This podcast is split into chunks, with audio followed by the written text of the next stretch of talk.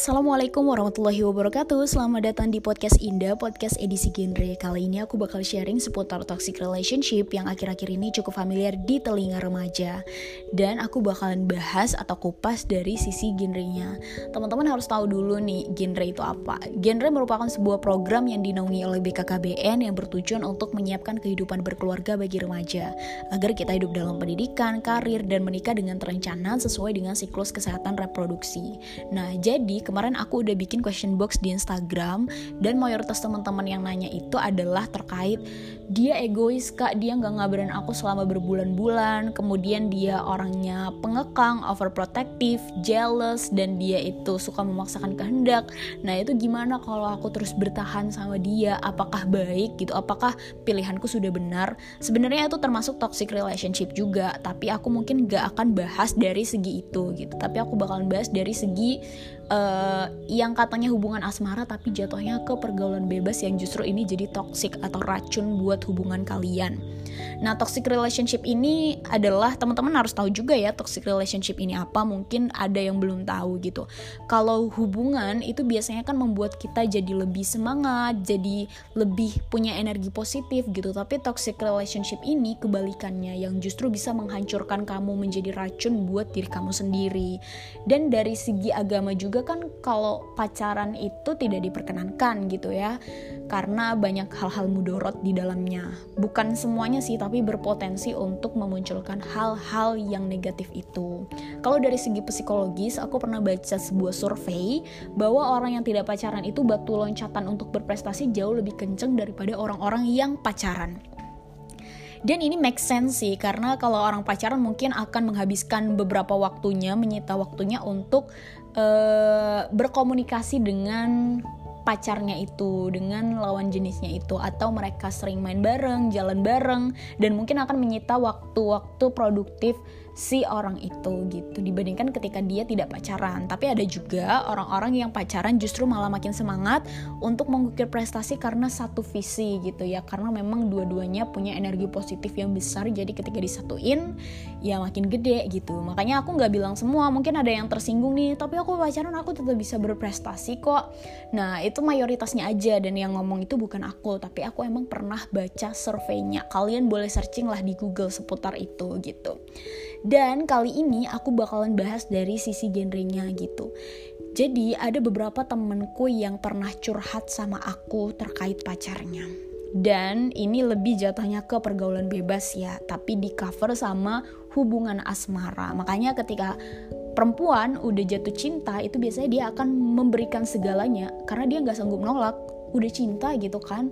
Jadi kayak membuat dia buta gitu. Cinta itu membuat dia buta dan akhirnya merugikan dirinya sendiri gitu. Jadi nggak uh, tahu ya sekarang itu banyak banget istilah-istilah nakal yang diperhalus. Misalnya kayak tadi ya pergaulan bebas itu kan hal yang negatif gitu tapi di cover sama hubungan asmara. Istilahnya jadi toxic relationship yang itu tuh istilah-istilah modern gitu kan. Dan hal-hal lain juga banyak dibikin istilah-istilah demikian jadi kayak diperhalus gitu. Tapi it's okay bodo amat seputar itu karena aku mau kasih edukasi ke teman-teman untuk bisa tegas sama diri kalian sendiri. Katakan benar kalau itu benar katakan salah kalau itu salah salah. Terima kalau itu benar, tolak kalau itu salah, dan tinggalkan. Kalian harus tegas dengan itu semua dan jangan mau diperbudak sama cinta buta kalian. Jadi pada saat itu temanku pernah curhat gitu kan seputar hubungannya dengan pacarnya. Dan ini gak cuma sekali dua kali, tapi banyak banget. Jadi aku kayak miris gitu. Karena yang aku lihat dia berpotensi gitu untuk bisa mengukir prestasi. Tapi aku nggak tahu kenapa jadi seperti itu semenjak punya pacar. Jadi ancur dari segala macamnya jadi si cowok itu minta uh, cewek untuk ngepap foto tanpa pakaian gitu. Itu kasus pertama. Dan akhirnya dia udah memberikan kemudian ketika mereka putus si cowok nggak terima. Karena si cowok ini mintanya tuh makin tinggi makin tinggi makin tinggi levelnya gitu. Pertama dia minta tanpa berpakaian kemudian kedua dia minta uh, melakukan hubungan itu secara langsung gitu ya jadi si cewek ini gak mau dong takut karena pasti yang akan merasa paling dirugikan dan paling kelihatan itu adalah si cewek gitu kan. Dan akhirnya si cowok ngancem untuk nge-share foto dia ke sosial media, ke publik gitu. Dengan akun fake, dengan fake akun. Jadi ya aku ngerasanya kayak ya ampun kasihan banget. Dia jadi nggak punya pilihan sama sekali.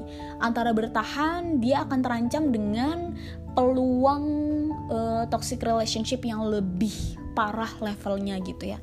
Atau kalau dia tinggalkan dia harus menerima resiko itu tadi. Mungkin nama baiknya akan tercemar gara-gara kelakuan ceroboh si cowok. Dan si cowok ini emang jahat banget sih. Nggak tahu dia masih punya hati atau enggak. Jadi kayak sangat disayangkan banget. Terus kasus kedua adalah beberapa teman yang curhat sama aku dia udah pernah melakukan hubungan seksual hubungan suami istri dengan pacarnya.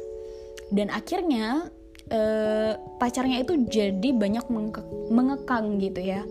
Nggak boleh kuliah, nggak boleh kerja karena alasannya mungkin si cowok takut ditinggalin gitu. Karena si cowok nggak kuliah, si cowoknya ini mungkin udah kerja tapi mungkin kerjaannya juga nggak terlalu uh, apa ya levelnya atau bukan kerjaan yang begitu bergengsi gitu. Jadi mungkin takut ketika si cewek kuliah si cewek bisa aja tertarik dengan cowok yang jauh di atasnya gitu. Karena kalau di kota kan pergaulan bebas juga biasa udah hal yang biasa gitu.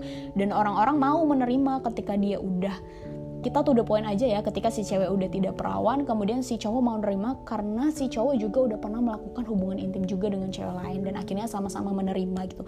Dan itu gila buset parah banget sih menurut aku kayak udah melenceng jauh dari ajaran agama dan norma-norma yang kita percaya di masyarakat. Dan mungkin akhirnya karena si cowok takut akhirnya si cowok mengekang gitu kan.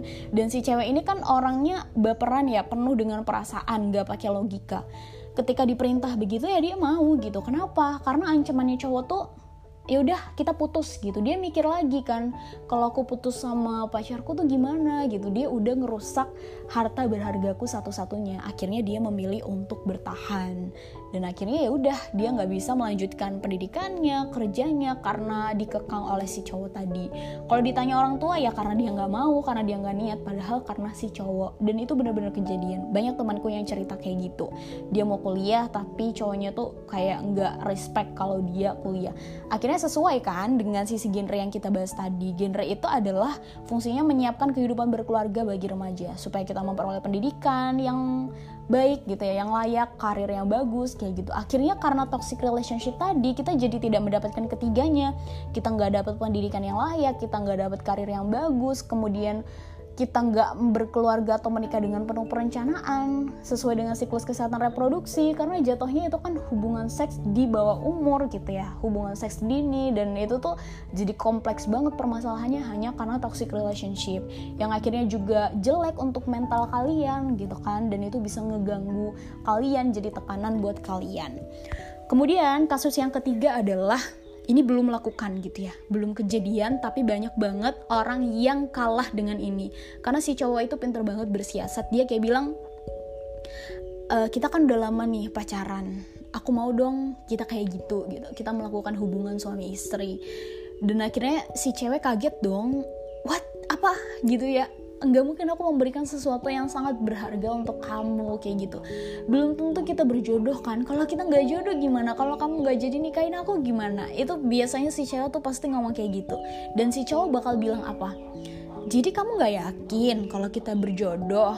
Oh jadi kamu nggak beneran cinta sama aku? Oh jadi kamu gak beneran serius dan percaya sama aku oh cukup tahu aja sejauh kita pacaran sejauh kita berhubungan selama ini ternyata kepercayaan kamu sesedikit itu sama aku. Ternyata cuma segitu kasih sayang kamu ke aku. Dan si cewek kalau udah nerima kalimat ini dia pasti lemah dia pasti nggak bisa ngapa-ngapain. Karena diputusin juga udah terlalu cinta udah kebiasaan selama berbulan-bulan selalu dikasih perhatian. Kalau tiba-tiba orang yang memberikan perhatian dan nemenin dia ke mana-mana itu hilang dia bakalan kecarian dan dia nggak sanggup dengan itu semua gitu. Karena untuk memulai hubungan tuh nggak mudah. Untuk jatuh cinta lagi untuk percaya lagi sama orang untuk tertarik lagi sama orang itu nggak mudah. Dan akhirnya apa? Ya udah si cewek dengan begonya memberikan itu semua. Atau juga ada kasus yang uh, kayak gini nih cewek bilang ya kalau kita jodoh kalau kita nggak jodoh gimana? Si cowok tuh pasti bakal punya jawaban untuk ngejawab itu. Dia pasti bakal bilang ya kalau kita nggak jodoh kalau kita berjodoh gimana gitu? Udahlah kamu kasih aja karena aku kok yang bakal jadi suami kamu. Kamu kan nikahnya bakal sama aku jadi apa yang perlu ditakutin? Toh aku juga nggak masalah gitu kan. Terus kalau si cewek bersiasat ya aku nggak mau ngelakuin itu semua. Nanti kamu bosen gimana? Ketika kita udah nikah kita udah ngelakuin semuanya jadi nggak ada hal-hal yang baru gitu. Semuanya akan terasa hambar kayak gitu kan dan si cowok ini pasti akan punya jawaban teman-teman. Dia pasti bakal bilang aku nggak mungkin bosen sayang. Itu kan enak gitu. Jadi ketika udah menikah juga ya aku bakalan tetap menikmati. Kan enak kan aku suka gitu. Jadi aku nggak mungkin bosen. Dan well wow. Aku kayak yang astaga sejahat itu ya cowok. Dan memang bener-bener gak punya hati nurani banget sih dia gitu. Dan ini gak semua cowok ya. Jangan sampai abis ini aku di demo sama para cowok karena ngerasa gak terima dengan yang aku bilang. Tapi memang dari kasus teman-temanku yang curhat ke aku tuh kayak gitu. Karena alhamdulillah sih mereka itu percaya untuk cerita sama aku.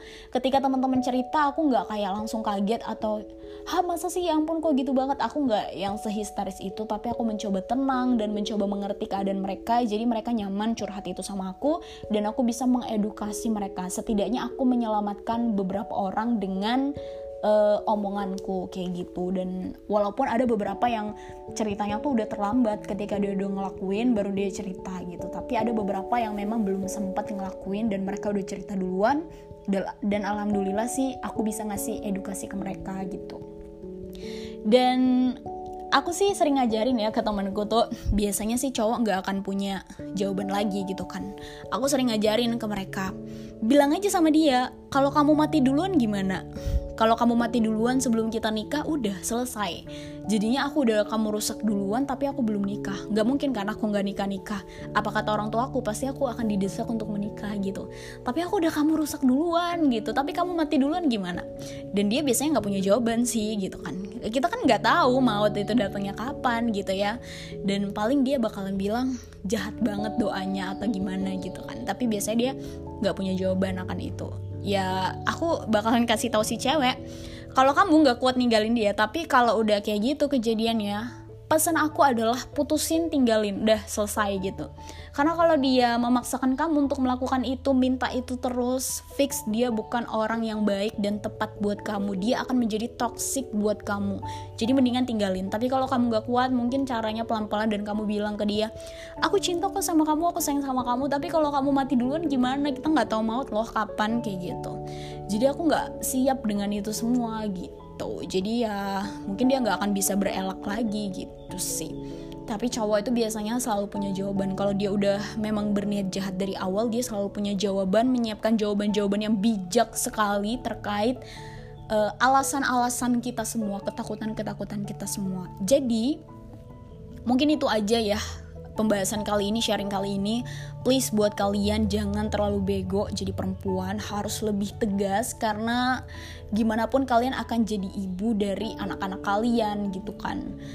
Gimana caranya sih kalian itu mau punya seorang anak yang luar biasa kalau kalian sebagai ibunya aja tuh udah rusak di awal gitu, udah ya seperti itulah. Jadi please tolong jaga diri kalian baik-baik karena uh, pengorbanan orang tua itu bukan untuk di PHP-in dan mimpi-mimpi kalian bukan untuk dibercandain gitu. Dan itu semua bisa ngerusak mimpi kalian harapan orang tua kalian. Kita nggak tahu kalian hilafnya di mana kalian keplesetnya di mana. Oke mungkin gak hamil atau gak apa-apa gitu ya sekarang. Tapi kita nggak tahu ke depannya gimana. Dan biasanya hal-hal itu tuh bisa jadi kebiasaan atau candu buat kalian. Kita nggak tahu ke depannya sialnya kayak gimana dan akhirnya kalian memalukan nama keluarga. Atau akhirnya kalian merugikan diri kalian sendiri. Sebenarnya di awal juga udah merugikan diri kalian tapi mungkin kalian gak sadar gitu kan karena belum kelihatan banget efek negatifnya gitu. Dan suatu hari kalian pasti akan menerima balasan itu karena fix itu nggak sesuai dengan ajaran agama dan norma-norma yang kita percaya di masyarakat gitu. Itu udah bener-bener yang lari lah dari koridor ajaran agama kita. Dan aku yakin setiap agama tuh nggak ada yang membenarkan pergaulan bebas itu sih. Jadi tolong untuk kalian lebih mengerti dan para laki-laki juga jangan sembarangan untuk merusak perempuan karena ibu yang melahirkan kalian itu adalah seorang perempuan dan kalian bakalan punya anak bisa jadi anak perempuan kalian yang akan menjadi korban selanjutnya atau bisa dibilang hukum karma walaupun ini belum tentu ada atau enggak tapi pikirin kalau anak perempuan kalian adik perempuan kalian kakak perempuan kalian yang dirusak sama laki-laki itu gimana perasaan kalian pasti sakit banget gitu jadi please jangan asal merusak perempuan gitu. Kadang laki-laki juga menyalahkan gitu. Ya kenapa perempuannya mau? Kalau perempuan yang gak mau juga kan kita gak akan ngerusak dia gitu.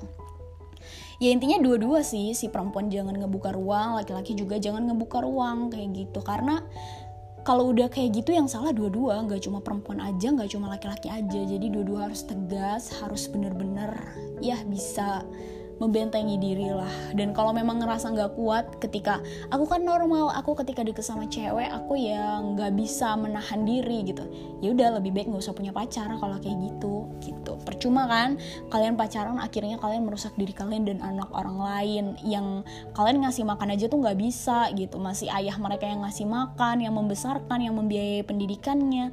Tapi kalian ngerusak dengan gitu aja gitu. Jadi mungkin itu aja sih buat kalian tetap semangat dan jangan sampai terjebak lagi sama toxic relationship. Harus lebih tegas kalau memang gak suka. Kalau memang dia udah mengarah ke situ mendingan diputusin aja. Masih banyak orang di dunia ini yang bisa menjadi pasangan hidup kamu yang jauh lebih baik. Dan ingat jodoh itu cerminan diri. Kalau kamu ingin mendapatkan yang baik maka perbaikilah dirimu. Kalau kamu mendapatkan laki-laki yang seperti itu sekarang kamu mungkin harus introspeksi juga. Mungkin kamu selama ini juga nggak jauh beda sama dia. Mungkin selama ini sikap kamu banyak yang harus perlu diperbaiki. Akhirnya kamu dipertemukan dengan orang yang tidak tepat. Kalau kamu ingin dipertemukan dengan orang yang tepat maka perbaikilah diri kamu. Dan lebih baik di usia muda seperti ini kita banyakin prestasi kita banyakin manfaat buat orang-orang kita banyakin uh, apa namanya pengalaman. Jadi mungkin akan lebih bermanfaat So itu aja makasih udah nonton eh nonton udah dengerin podcast aku dan semoga bermanfaat. Wassalamualaikum warahmatullahi wabarakatuh.